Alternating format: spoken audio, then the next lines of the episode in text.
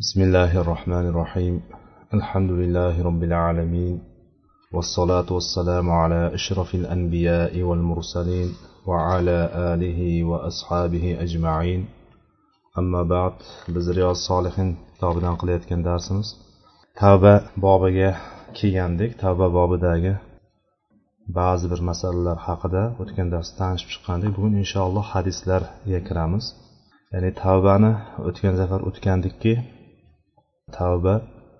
Bu gunohlardan qaytib ya'ni gunohlardan tiyilib alloh taologa qaytishlik deb turib ma'no bergandik.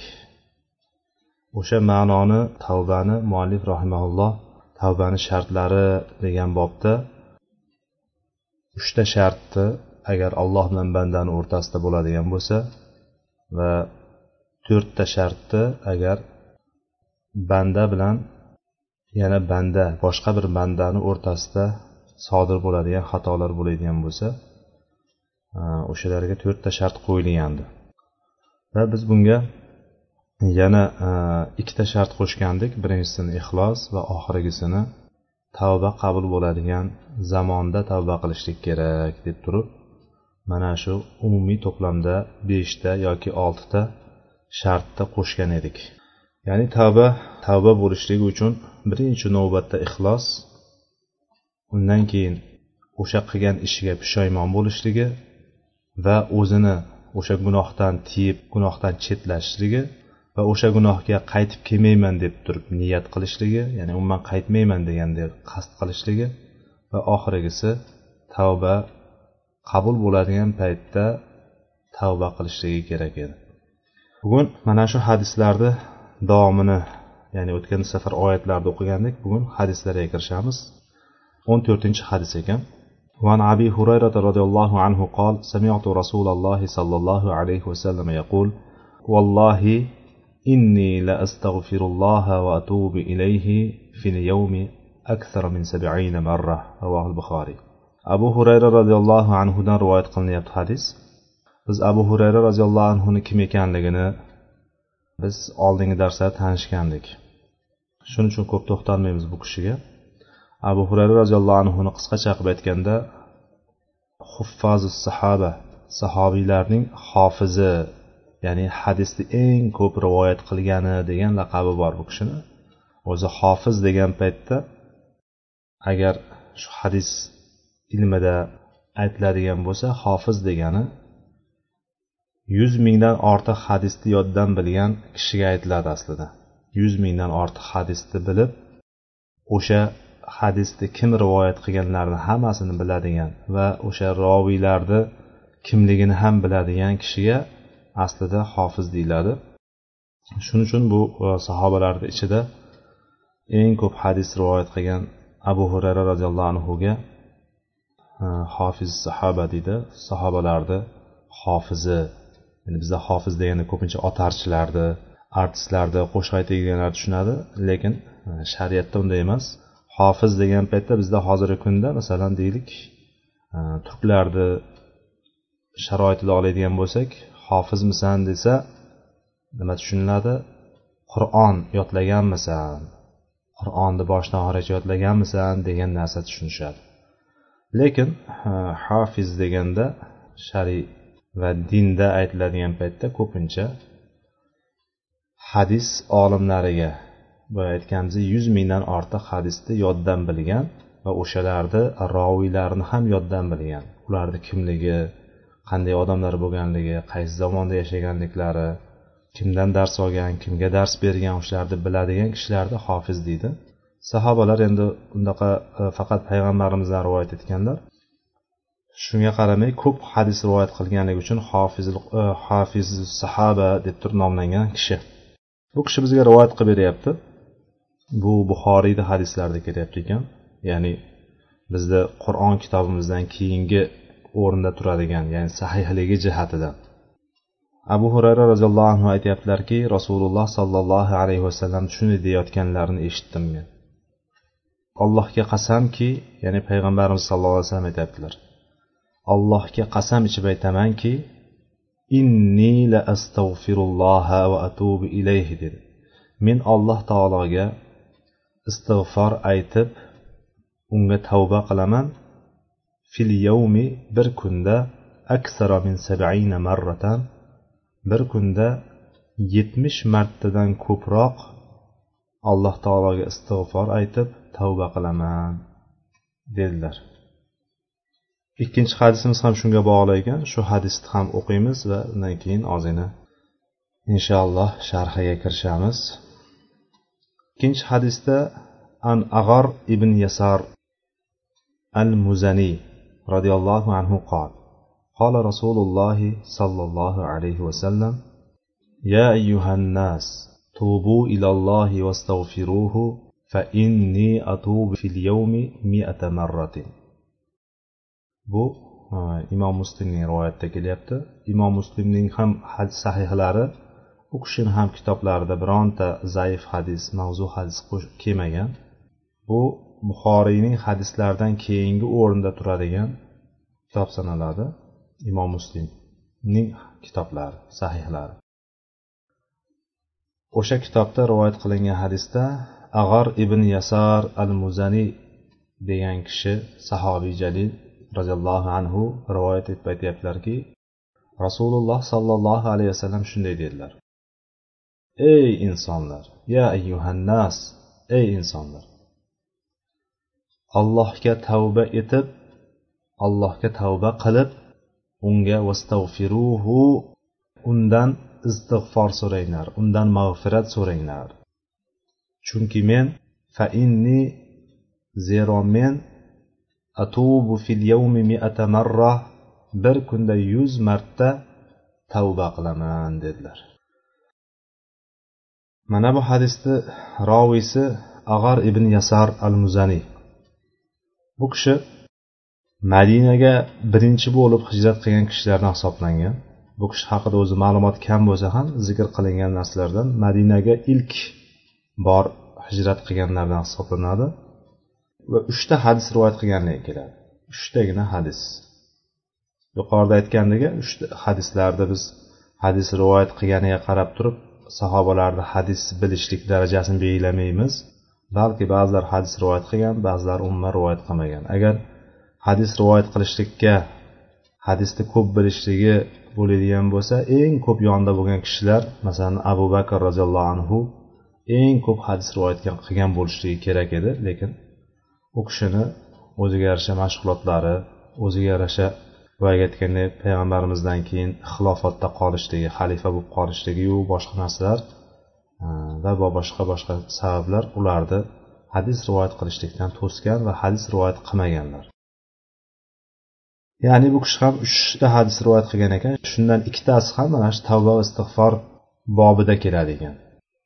Uchta to'rtta sahobiydan ibn umardan muoviya ibn qurrodan va abu burdadan rivoyat qilgan hadislari keladi ekan.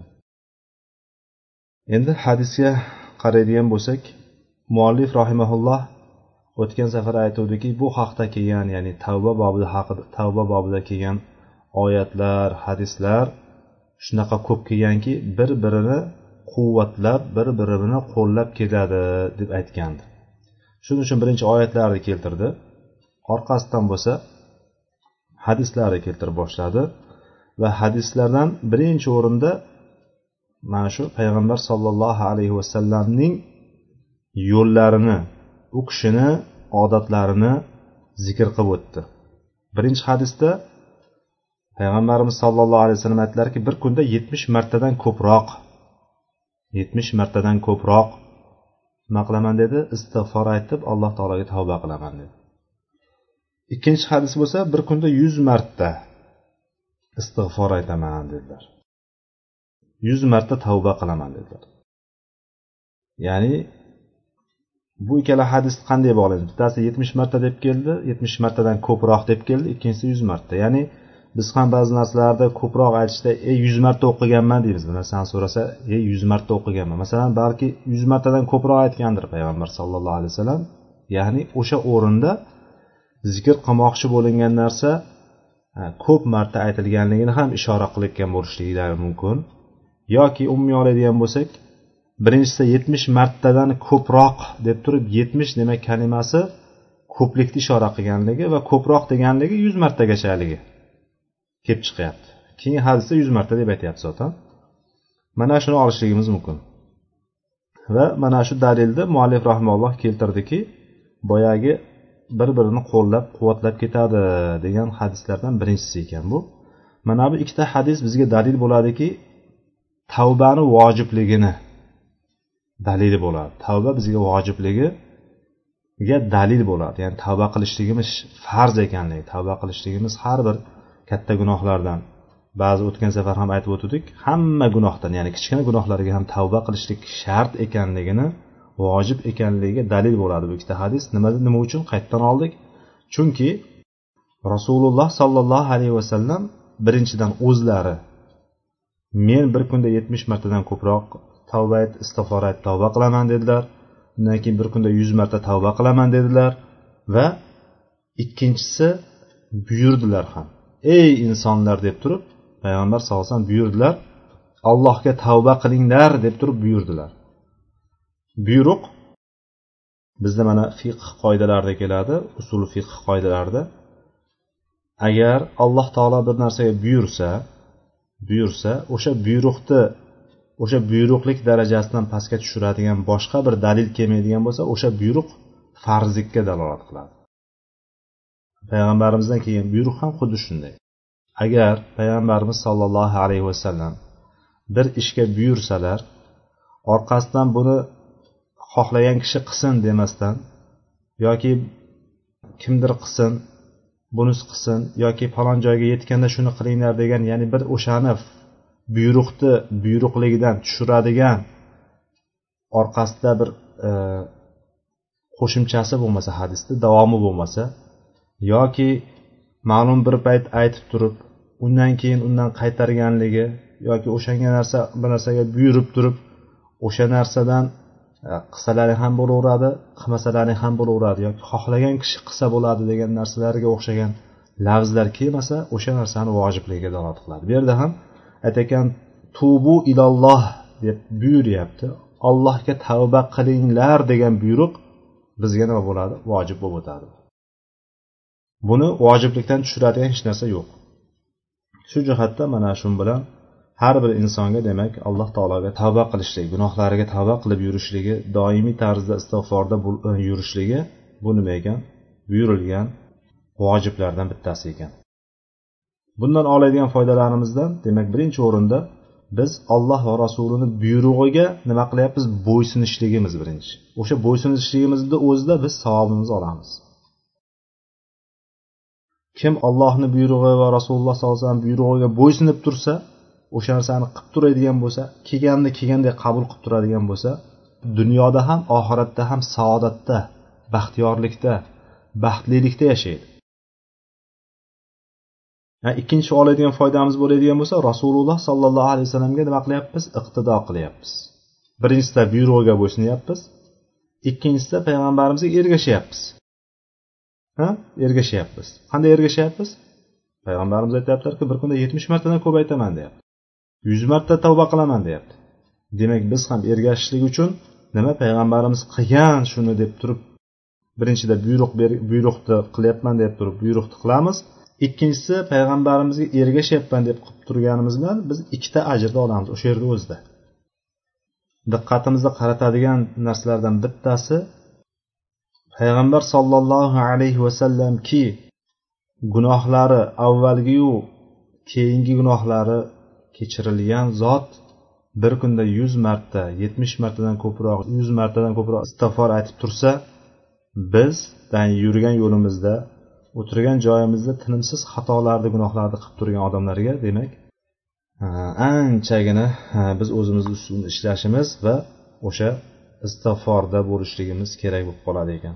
Istig'for ya'ni boyagi aytganimizdek yuqorida tilni uchida aytib qo'yib turib tavba qildim. E astag'firulloh deb qo'yib turib yana o'zimizni yo'limizda davom etadigan bo'lsak gunohimizda ya'ni bu o'tgan safar aytgandikki go'yoki masxara qilish bo'lib qoladi. Nauzubillah alloh saqlasin. Alloh taolo bizni bu narsalardan uzoq qilsin. Ya'ni alloh taoloni nima qilish? Masxara qilishlik bo'lib qoladi.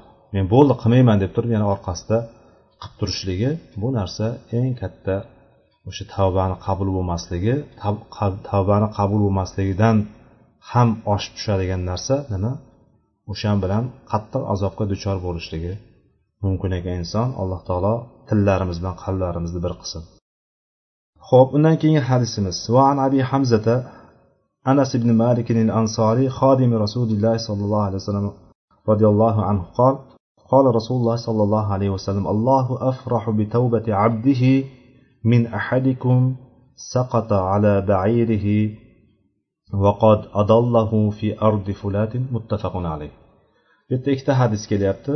Ikkita hadis bu yerda bitta raqam bilan ikkita hadis kelyapti. Yonma yon bir biriga o'xshash ma'no bo'lganligi uchun. Birinchisi muttafaqun alayh hadis ekan ikkinchisi muslimning rivoyatda hadis. bu yerda anas ibn molik payg'ambar sollallohu alayhi vasallamni xodimlari biz oldin darslarda o'tdi bu kishini siratlari o'tdi. Ya'ni bir bu kishini hayotlari qanday bo'lganligi kim bo'lganligi haqida biroz to'xtalgandik.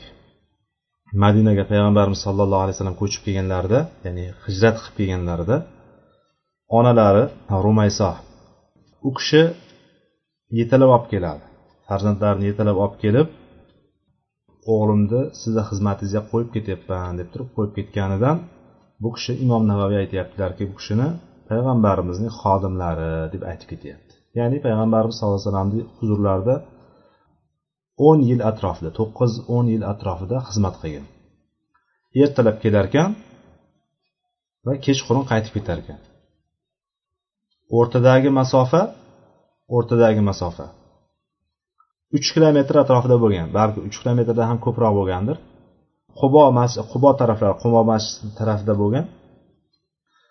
Umar roziyallohu anhu ham kelgan paytda o'sha tarafga joylashgan o'sha tarafga joylashganidan kelib ketishlikni mashaqqati bo'lganligi uchun qo'shnisi bilan almashib kelib ketishgan.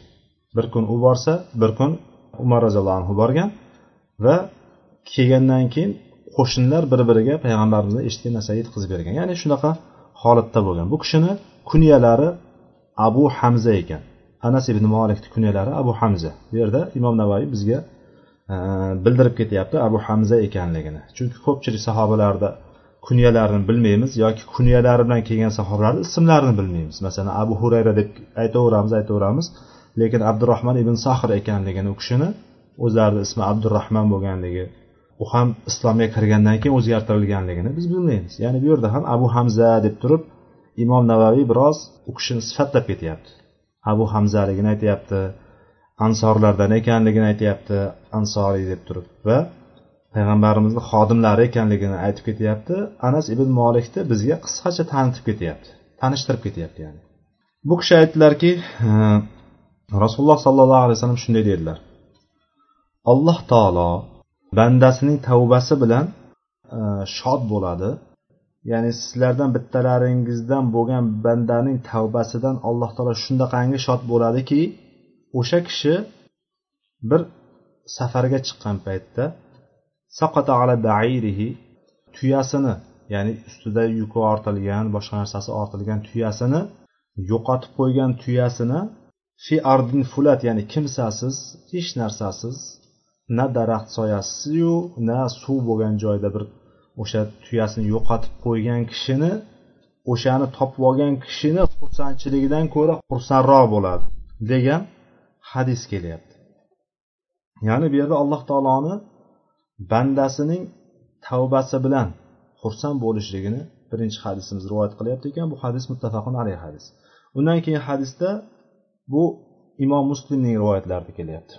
Allohu ashaddu farahan bi tavbati abdihi hina yatubu ilayhi min ahadikum kana ala rohilatihi bi ardi fulatin. Mana bu yerda ham alloh taoloni bandasining tavbasi bilan xursand bo'lishligini juda qattiq xursand bo'lishligini o'xshatish bilan aytyapti. Ya'ni bir narsaga bir narsani qiyoslab tushuntiradigan bo'lsa inson yaxshiroq tushunadi. Payg'ambar sollallohu alayhi vasallamni ham bir sifatlari bor edi. Sifatlari qaysi sifatlari? U kishiga kalimalarni jamlovchi bir sifat bergandiki qisqa kalimalarni keng katta katta ma'noli narsalarni tushuntirib qo'yardilar. Ya'ni bu yerda ham shunaqa bir o'xshatish qilib beryaptiki arablar bo'lib ham o'sha paytdagi arablar juda yaxshi tushunadigan bir holatni tushuntirib beradi. Balki biz tushunmasmiz bu narsani. Chunki biz sahrolarda tuyalarga minib safarlarga chiqmaganmiz karvonga qo'shilib yurmaganmiz biz balki bilmasmiz bu narsani. Lekin bu narsani arablar bo'lib ham o'sha paytdagi arablar juda yaxshi tushunishgan bu hadisni aytyaptiki alloh taolo shunaqa xursand bo'ladiki bir bandani xursandchiligidan ko'ra qattiqroq xursand bo'ladi. Deyapti mana shu kishini aytyapti holatini. O'sha bandaki sizlardan bittalaringiz tavba qiladigan paytda o'sha bandaning tavbasidan alloh taolo shunaqangi xursand bo'ladiki kana ala rohilatihi fi ardi fulat ya'ni kimsasiz?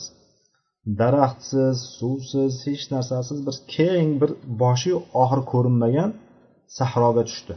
Sahroga bir o'zini nimasi bilan rohilatihi o'zini e, ulovi bilan tuyasi bilan deylik tuyasi bilan tushdi yo'lga chiqdi. Yo'lga chiqdida uni yo'qotib qo'ydi. Tuyasini yo'qotib qo'ydi. Tuyasi qochib ketdi ya'ni. Tuyasi qo'ldan chiqib ketdida nima bo'ldi? Balki bog'lagan joyidan yechilib ketdi ketib qoldi ya'ni. Hadislar oyatlarda ba'zi payt qisqacharoq qilib berib ketadi ya'ni bir voqeani qisqa qilib aytib ketib qoladi u o'rtada bo'lgan hodisalar qanday yuzaga kelganini hammasini itir chikirdan aytadigan bo'lsa gap uzundan uzoq bo'lib ketib qoladi. Tuyasi qochib ketdi degandan keyin qanday qochirib yuborishi mumkin degan savolni boshqasi berishi kerak emas ya'ni. Eshitayotgan odam o'sha yerdan bir nima qildan qiyiq axtarish kerak emas. Nimaga bu qochib ketib qolibdi tuyasi? Nimaga qochadi u degan narsani qilish kerak emaski balki bog'lagan bo'lsa bo'sh bog'lagandir. Charchaganidan bo'sh bog'lagandir yoki bog'ladim deb turib bog'lamasdan esdan chiqarib qo'ygan. Nima bo'lgan taqdirda tuyasi qochib ketdi qisqasi. Tuyasi qochib ketdi. Qidirdi yoqqa bordi bu yoqqa bordi. O'sha tuyani ustida deyapti alayha toamuhu va sharobuhu. Ustida tuyani ustida yeyajaklari ham o'sha tuyani ustida ekan yeydigan taomlari ham. Ichadigan ichimliklari ham nima ekan? Tuyani ustida ekan. Boya aytganimizdek boshi orqa oxiri yo'q kimsasiz cho'lda yuribdi sahroda yuribdi. Qisqasi endi qochib ketgandan keyin fayaisa minha deb ketyapti. Birdan hadisda fayaisa minha. So'ngra umidi uzildi undan. Umidi uzildi degani tuyasidan umidi uzildi degani qidirdi u yoqqa chopdi bu yoqqa chopdi yugurdi bu yoqqa bordi hech qayerdan topolmadi izini qidirdi shamol bo'lishi mumkin tekislab ketdi izini qayerdan bo'lsa ham qisqasi nima? Tuyasini topolmadi. Tuyasini topolmagandan keyin taqdirga tan berib bori bo'lgani shu bo'ldi deb turib nima qildi? Umidi uzilib turib faata shajaratan. Bir daraxt bor ekan. Daraxt deganda albatta bizni ko'zimizni oldiga katta bir daraxt. Soyasi zo'r bo'lgan daraxt tushunmas. Shajara deb turib arablarda aytilaveradi kichkinagina bir butoqqa ham aytilaveradi cho'llarda o'sadigan bo'lishi mumkin bizdagi har xil daraxtlar borku butasimon daraxtlar. O'shanaqa daraxtdir balki. Albatta cho'lda mana shunaqa daraxtlar bo'ladi ala kulli hal nima bo'lgan taqdirda ham nima? Bir daraxtni yoniga bordi. Fi zilliha demak soyasi bor ekan o'shani soyasiga nima qildi? Umidi uzilib daraxt soyasida yotdi. Borib turib endi bo'lgan ish bo'ldi endi. Taqdirga tan berdim o'limimni kutib yotaman degandek o'sha yerda yotdi. o'sha paytda u darhaqiqat nima tuyasidan butun umidini uzib bo'lgandi فبينما هو كذلك إذ هو بها قائمة عنده u mana shunday holatda butun tushkunlikka tushgan hamma narsasidan umidi uzilgan o'limini kutib yotgan paytida baynama huva kazalik u shunday holatda ekan to'satdan bunday qarasa yonida turibdi tuyasi id huva biha qoimatun indahu. Uni huzur tepasida tikka turibdi. Tepasida qarab turibdi. Buni ko'rdida shunday turdida hali ham ishonmayapti o'ziga. Ko'zimni alahsirayapmanmi ko'zimga ko'rinyaptimi deb o'rnidan turdida shunday tizginidan ushladi. Tizgindan ushlagandan keyin ishonch hosil qildiki tuya qochib ketmayapti tuya yonida turibdi. Haqiqatda tuya ekanligi. Ya'ni inson shunaqa bir vasvas bo'lyaptimi ham deb o'ylaydi inson bunaqa paytda. Buni holatini o'sha holatga tushgan odamgina bilmasa biz tasavvur qilishligimiz biroz qiyin bo'lgan narsa. Lekin shunda ham biz qisman bo'lsa ham tasavvur qilib o'tamiz bu narsani. Shunday tizginidan ushlaganidan summaqo ushlab bo'lgandan keyin ishonch hosil qilib bo'lgandan keyin haqiqatda hayol emasligi ko'zga ko'rinmayotganligi gallyutsinatsiya deymizu ko'zga ko'rinmayotganligini his qilgandan keyin qola min shiddatil farah. Shunaqa xursand bo'lib ketib qolganligidan ey ollohim sen meni bandamsan men seni robbingman deyordi qaranglar. Shunaqa xursand bo'lib ketgan ya'ni o'limdan xuddi qayta tirilgan odamday o'limdan qutulib qolgan odam qanchalik xursand bo'lib ketib qolsa o'sha paytda tili shoshganidan tili xato qilib ya'ni bunaqa demoqchi emas edi u shoshib qolganidan tili ham kalimaga aylanmasdan boshqacha chiqib ketib qoldi. Nima dedi?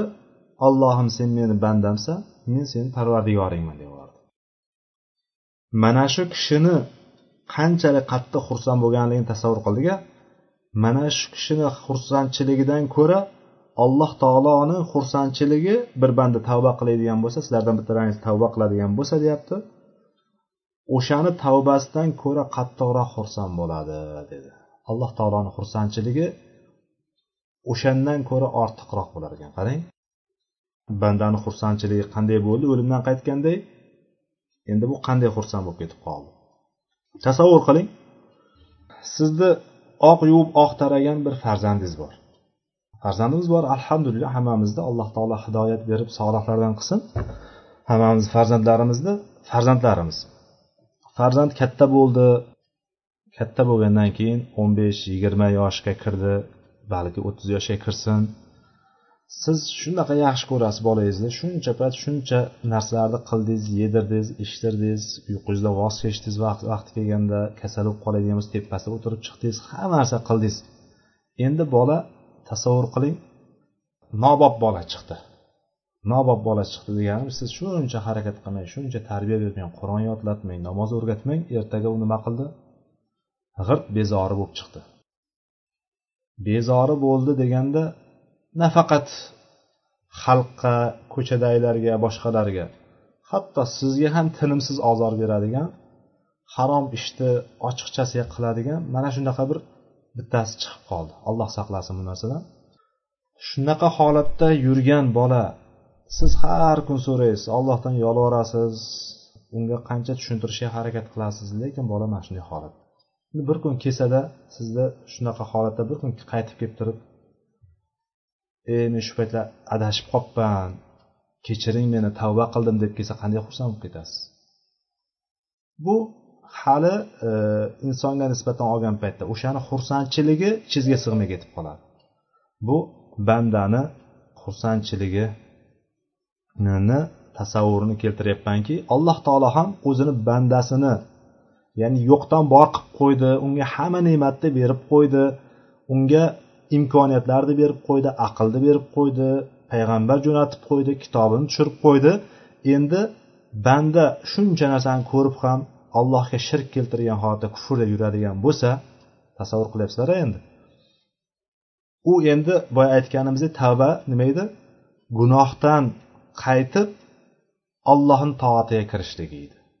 Xuddi hozir endi ala alloh taologa eng go'zal misollar keltiradi. Men bizni aqlimiz qabul qila oladigan tushunishimiz yaxshi bo'lishligi uchun bir misol keltiryapman. O'zimizdan inson otasi yoki onasi hali uni yasab olmagandi bolasini o'zi o'zi yasab olib o'zi xohlaganidek qilib turib e, e, ko'rinishda xohlaganday shakl shamoilda qilib olmagandi uni olloh bergandi. Uni yedirib ichiryapman deydi uni ham yedirib ichirayotgan rizqini ham alloh bergandi. Biz faqat o'shanga mehr ko'rsatdik o'zimizdan chiqqanligi uchun o'zimiz shuni katta qilganligimiz uchun shuncha bog'langanimizda nima qildik? Agar u bizni toatimizda bo'lmasdan bizga itoat qilmasdan itoatsizlik qilib turib bizga osiylik qilib turib tinimsiz bizga ozor berib turib keyin tavba qilishligidan keyin kelib turib kechirib so'rab bo'ldi aytganingizni qilaman endi deb turib tepangizda turishligi sizni qanchalik xursand qiladigan bo'lsa alloh taoloni o'zini bandasini yo'qdan bor qilgan bandasini tavba qilishligidan qilishligi alloh taolo bundanda xursand bo'ladi ekan. Bu hadisdan oladigan foydalarimizni tushundik tavbani qanchalik ahamiyati borligini. Tavbamizni alloh taolo shunchalar xursand bo'lishligi bandan tavba qilishligidan gunohdan tiyilishligidan. Chunki alloh taolo yaxshi ko'radi. Nima uchun? Alloh taolo uni azoblashligi intiqom olishligi alloh taolo intiqomdan ko'ra azob berishlikdan ko'ra jazo berishlikdan ko'ra kechirib olishlikni yaxshi ko'rganligi uchun kechiradi. Yaxshi ko'radi bu bandani tavbasini. Bundan tushunilmasinki alloh taolo e, demak bandani tavbasiga bandani islomda bo'lishligiga muhtoj ekan. Yo'q muhtojligi yo'q alloh taolo. Hech qanday muhtojligi yo'q. Subhana subhanalloh. Ya'ni alloh taolo hamma aybi nuqsonlardan pok bo'lgan zot bandani kofir bo'lib yoki muttaqin bo'lib turib mo'min bo'lishligidan alloh taoloni mulkidanu alloh taologa mulkidan hech narsa kamaytirib hech narsa e, ko'paytirib ham qo'ymaydi. Lekin alloh taolo af qilishlikni kechirishlikni yaxshi ko'rganligi uchun alloh taolo bandani tavbasini yaxshi ko'radi bandani musulmon bo'lishligini o'ziga ibodat qilishligini alloh taolo yaxshi ko'radi yaxshi ko'rganligi uchun o'zini jannatini taxlab qo'ydi ularga. Jannatini tayyorlab qo'ydi. Ko'z ko'rib ko'zimiz ko'rib hozir masalan ko'zimiz qancha narsani ko'rdi shu paytgacha e, har xil narsalarni ko'ramiz. Eng ko'rmaganimizni televizorlarda kinolarda ko'ramiz. Misol ko'zimiz bilan ko'rmagan narsalarni televizorlarda kinolarda ko'ramiz. Rohatni turlarini maishatni holatlarini hamma narsani. Ya'ni ko'rgani ko'zimiz ko'z ko'rmagan degandan keyin demak undanda ko'rmagan ko'zlar undan ko'z ko'rmagan undanda boshqa lazzatlaru insonni xohishi ishtiholari bo'ladi ya'ni shunaqa narsalar bor ekan. Quloq eshitmagan degani kimdir aytib berishligi mumkin o'zidan uydirib to'qib bir narsa qilib berishligi mumkin lekin o'shalardan ham afzalroq o'shalardan ham kattaroq bo'lgan nimalar bor ekan? Allohni ne'matlari tayyorlab qo'ygan narsalar bor ekan. U ham yetmaganday qarang ko'zimiz ko'rib qulog'imiz eshitmagani ham hatto insonni aqliga ham hayoliga ham kelmagan narsalar bor edi. Hali biz shunaqa ichidagi masalan rohatni hamma turini balki fantaziyor odamlar bo'lishi mumkin fantaziyachi romantik deb qo'yamizu. O'sha romantik odamlar ham o'ylagan eng zo'r rohat turlari ham nima? Yetib borolmas ekan jannatda alloh taolo biz bandalarini mo'min bo'lib turib allohga ko'p tavba qilguvchi o'zini pok tutuvchi muttaqin bo'ladigan bandalarini nima ekan? Alloh taolo o'shalarga ko'z ko'rib quloq eshitmagan va xayollariga ham kelmagan ne'matlar tayyorlab qo'ygan ekan. Bundan ko'rinadi demak hadisda alloh taoloni nimasi? Xursand bo'lishligi shod bo'lishligi degan nimasi sifati bor ekanligini biz hadislarda kelgan oyatlarda kelgan nimalarni alloh taoloni sifatlarini ismlarini hammasini biz boricha qabul qilamiz. Bu yerda farah kalimasi kelyapti. Farah degani xursand bo'lishlik shod bo'lishligi degan narsa demak alloh taologa sifatlanyapti. Alloh taolo demak yaxshi ko'radi xursand bo'ladi. Xursand bo'ladi alloh taolo.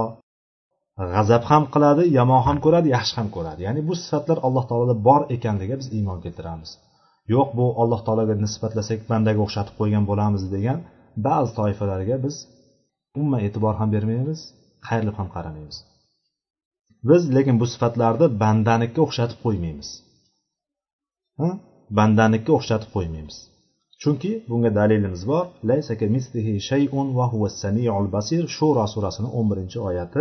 Unga o'xshagan biron narsa yo'q deb turib inkor qilib tashladik demak u maxluqlarga bironta sifati bilan bironta holati bilan o'xshamaydi va uni isbotlashimiz qayerdan keldi va u sami basir ya'ni eshituvchi ko'ruvchi bo'lgan zot. Lekin uni qanday eshitishligi qanday ko'rishligi yoki eshitishligiga quloq bo'lishligi ko'rishligiga ko'z bo'lishligi degan narsa nima? Biz unaqa sifatlarni sifatlamaymiz. Eng kamida bandani sifatiga o'xshaydi demaymiz. Endi uchinchi oladigan bir narsa joyimiz nuqtamiz. Bitta kufr kalimani aytib qo'ydiku. Kufr kalimani aytib qo'ydi boyagi kishi. Nima dedi? Ey ollohim xursand bo'lib ketib qolgandan sen meni bandamsan men seni robbingman deb bunda nima bo'ladi? Ba'zilar shunga yopishib oladi hadis shunchasini gapirib berasiz asl maqsad ko'zlangan maqsad nima? Allohni xursand bo'lishligi bandani tavbasi bilan juda qattiq xursand bo'lishligini uchun keltirilgan bu bobda o'zi shuning uchun ham zikr qilingan hadis. Lekin e, boyagi oyatda ular shu ishtiboh ya'ni o'sha yerda mm, nima shubha bo'lgan joylariga o'sha yerga ergashib turib o'shani tavil qilishga kirishadi. O'sha yerga ketib qoladi. Qalblarida haq yo'ldan og'ish bo'lgan kishilar mana shunaqa qiladi. Birpas shu yerda ushlab oladi. Mana shunga shunaqa deyilgan yerda nima bo'ladi bu? Ha bunga ham javob bor. Ha bunga aytamizki biz bu kishi xato qilganligi uchun xatodan sodir bo'lganligi qasd qilmasdan xato qilib qo'yganligi uchun nima qiladi bu narsa bilan nima kofir bo'lib qolmaydi bu bilan bu bilan gunohkor bo'lmaydi deymiz kofir bo'lishini qo'yib turaylik gunohkor bo'lmaydi hatto bunga oyatda dalil bor لا يؤاخذكم الله باللغو في أيمانكم ولكن يؤاخذكم بما كسبت قلوبكم alloh taolo aytyaptiki qur'onda baqara surasida bu ikki yuz yigirma beshinchi oyatda alloh taolo sizlarni qasamlaringizdagi lag'v ya'ni o'rganib qoladiku turklar ham mana vallohi vallohi vallohi billahi tallohi deb har bitta gapida o'rganib qolgan. Ikkita gapni bittasida vallohi deb turadi. Ya'ni bu qasam o'zi qasam har har zamonda ichilaveradigan narsa emas o'zi.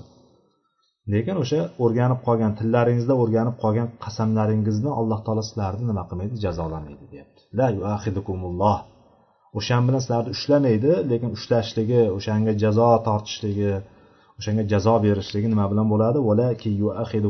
Kasabat qulubukum. Qalblaringizdan kasb qilganlaring ya'ni qalb bilan qasd qasddan qasam ichganligimizdan demak ushlanamiz ekan biz.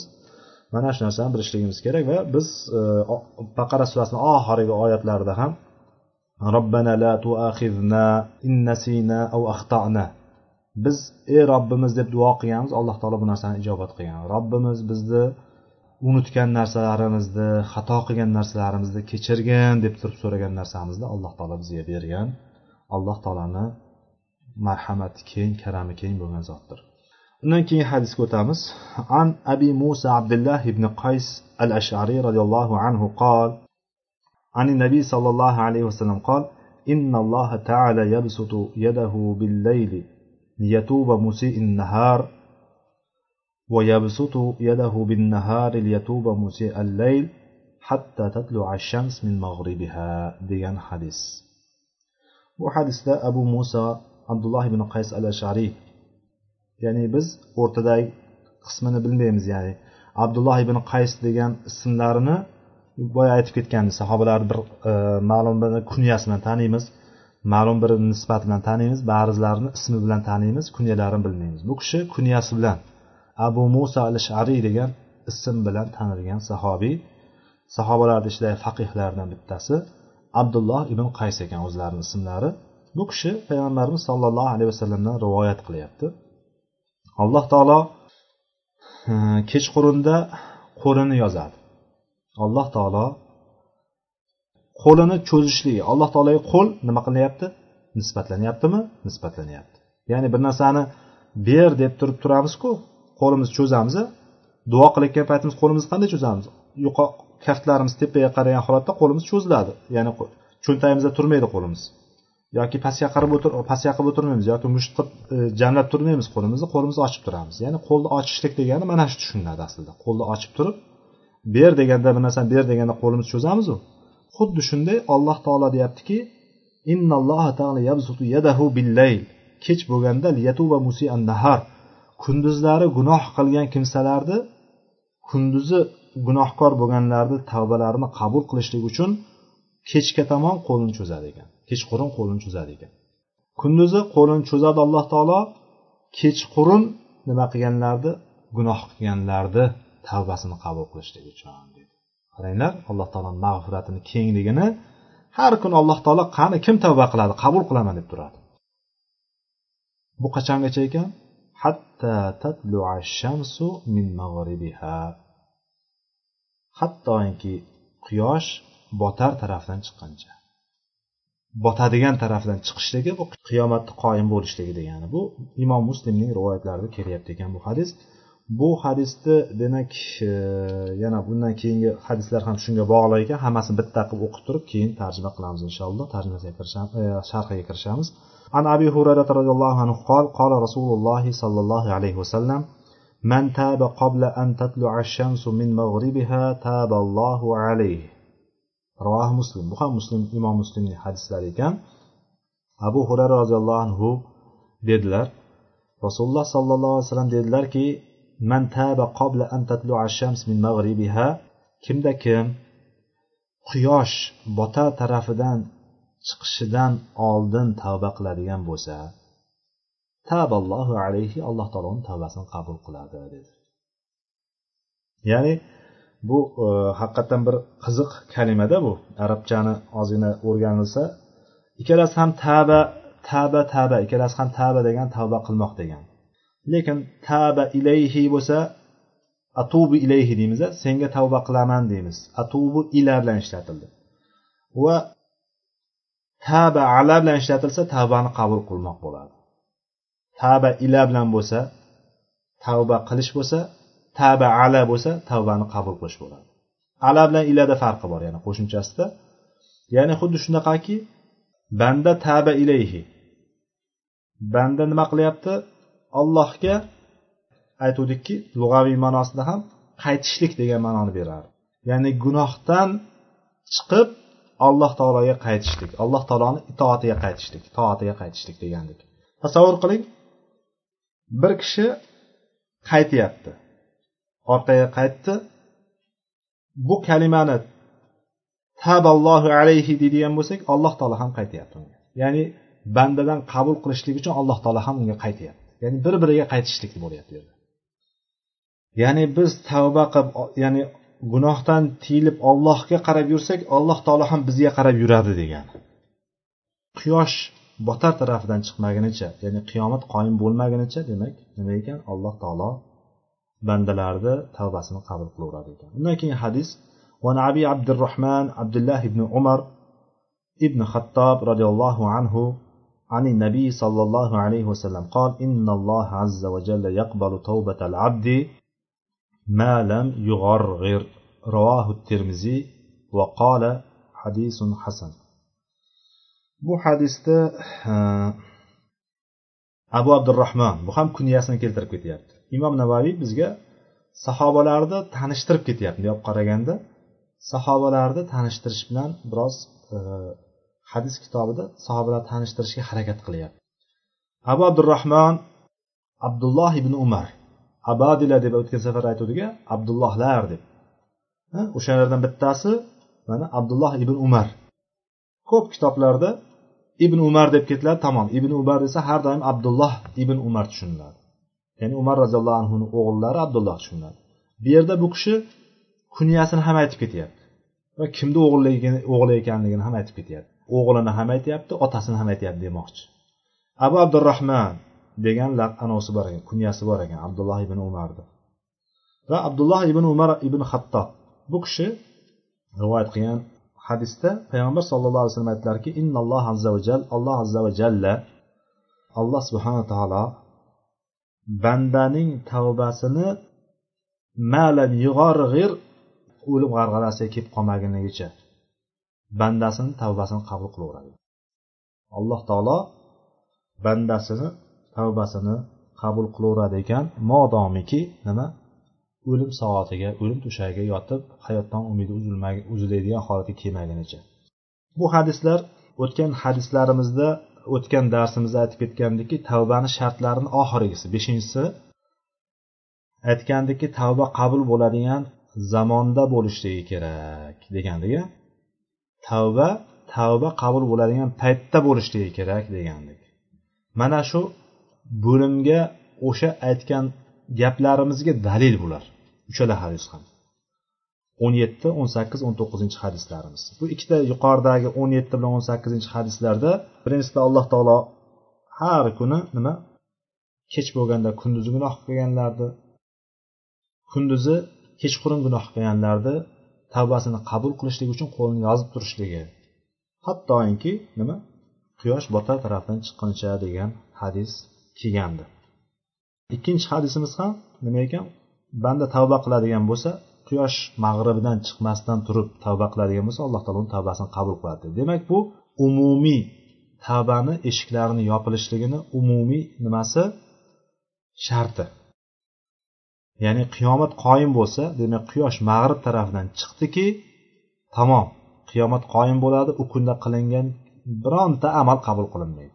Agar undan oldin qabul qilgan bo'lsa iymonga kelgan bo'lsa yoki undan oldin biron bir solih amallar qilib turib sadoqatlar qilib namozlarni o'qib qolgan bo'lsa qoldi bo'lmasam o'sha kunda agar men iymon keltirdim bo'ldi tamom deydigan bo'lsam qabul qilinmaydi ekan mana shu soat demak e, insonni tavba eshiklarini yopilishligiga dalil bo'ladi ekan.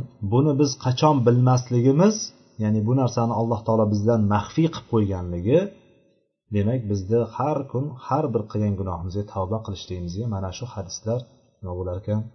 Bizga dalolat qiladi ekan. Chunki biz qachon qiyomat qoyim bo'lishligini qachon quyosh botar tarafdan chiqishligini bilmaymiz.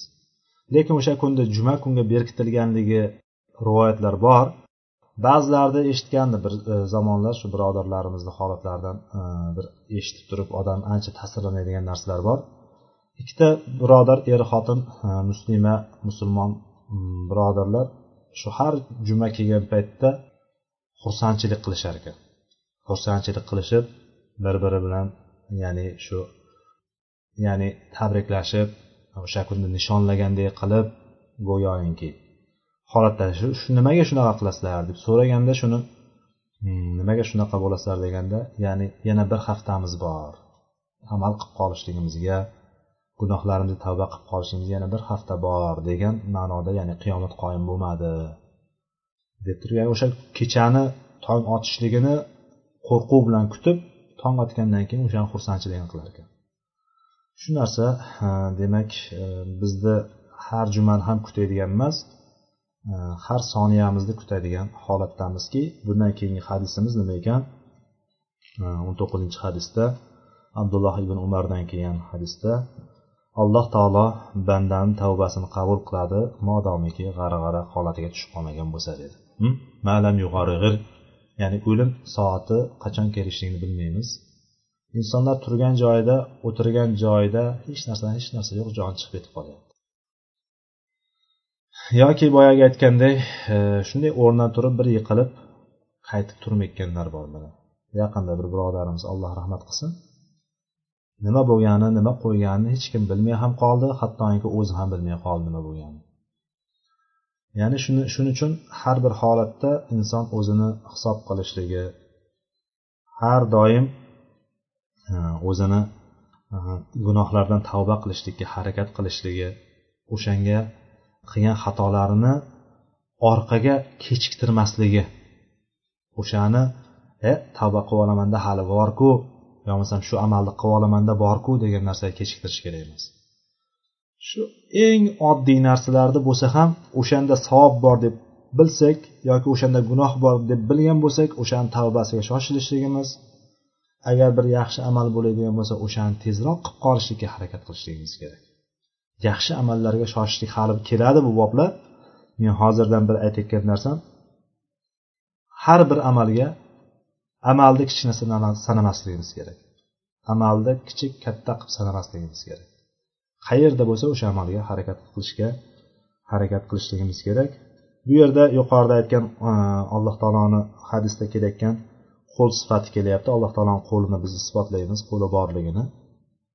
Ba'zi anavlar ba'zi ahli sunna deb turib ahli sunnani ichida o'zini davo qilayotgan kishilar bu narsani qo'li bor ekanligini alloh taoloni qo'l sifati bor ekanligini e, biroz rad qilishadi rad qilishdi deganda ochiqchasiga rad qilsa kofir bo'lib qoladi bular tavil qilishadi ya'ni qo'l emas bu e, alloh taoloni rahmat eshigi degandek bir shunaqasiga oladi yo bo'lmasa oyatda qolat اليهود يد الله مغلولة غلت أيديهم ولعنوا بما قالوا بل يداه مبسوطتان degan oyatlar masalan yahudiylar aytadiki alloh taoloni qo'li bog'liqdir. Qo'li bog'liqdan maqsad alloh taolo baxildir demoqchi deydi. Majoz bor haqiqatdan alloh taolo ya'ni bir kishini beruvchi bo'ladigan bo'lsa qo'li ochiq deymizku biz ham qo'li ochiq deymiz. Lekin qo'li yopiq kalimasi bizga ishlatilmaydi. Biz o'zbek tilida qo'li ochiq degani bor ikkinchisiga baxil deymiz. Nakas deymiz yoki boyagi. Anosini. Shunga o'xshab qisqasi bu yerda shunaqa deb alloh taologa sifatlayapti yahudiylar. Shunda alloh taolo aytyaptiki g'ullat aydihim o'zlarini qo'llari bog'lanib qolsin bog'lanib qoldi. Va degan gaplari uchun mana shu degan gaplari uchun la'natga duchor bo'ldi. Balki alloh taoloni ikki qo'li ochiqdir degan oyat. Bu yerda qo'l sifati bor misol. Biz ahli sunnani sifati ahli sunnani holati biz kitoblarda kelgan dalillarga alloh taoloni sifatlariga biz yuqorida aytganimizdek iymon keltiramiz. O'shalarni borini boridek qabul qilamiz va o'shani bir tavil qilishlik degani bir ma'nodan boshqa bir ma'noga bunday demoqchi degan ma'noga biz nima qilmaymiz ekan burmaymiz ekan. Borini baridek qabul qilamiz. Agar o'shani borini boridek qabul qilishligimiz agarchi yo'q bu yerda bu narsa qasd qilingandi deganda ham biz nima biz uni bironta bandaga o'xshatmaganligimiz bilan baribir e, ala kulli hal qanday holat bo'lgan taqdirda ham baribir biz nima qilamiz? Inshaalloh to'g'ri yo'ldan adashmagan bo'lamiz. Ya'ni inson alloh taolo qo'li bor deyapti alloh taoloni boldiri bor deyapti alloh taoloni yuzi bor deyapti alloh taolo arshda deyapti. Bularni hammasini alloh taolo xabar berib turgan bo'lsa hadislarda bularga qarshi yo'q alloh taoloni qo'li emas bu yerda rahmati nazarda tutilyapti. Yo'q bu alloh taoloni ne'mati nazarda tutilyapti.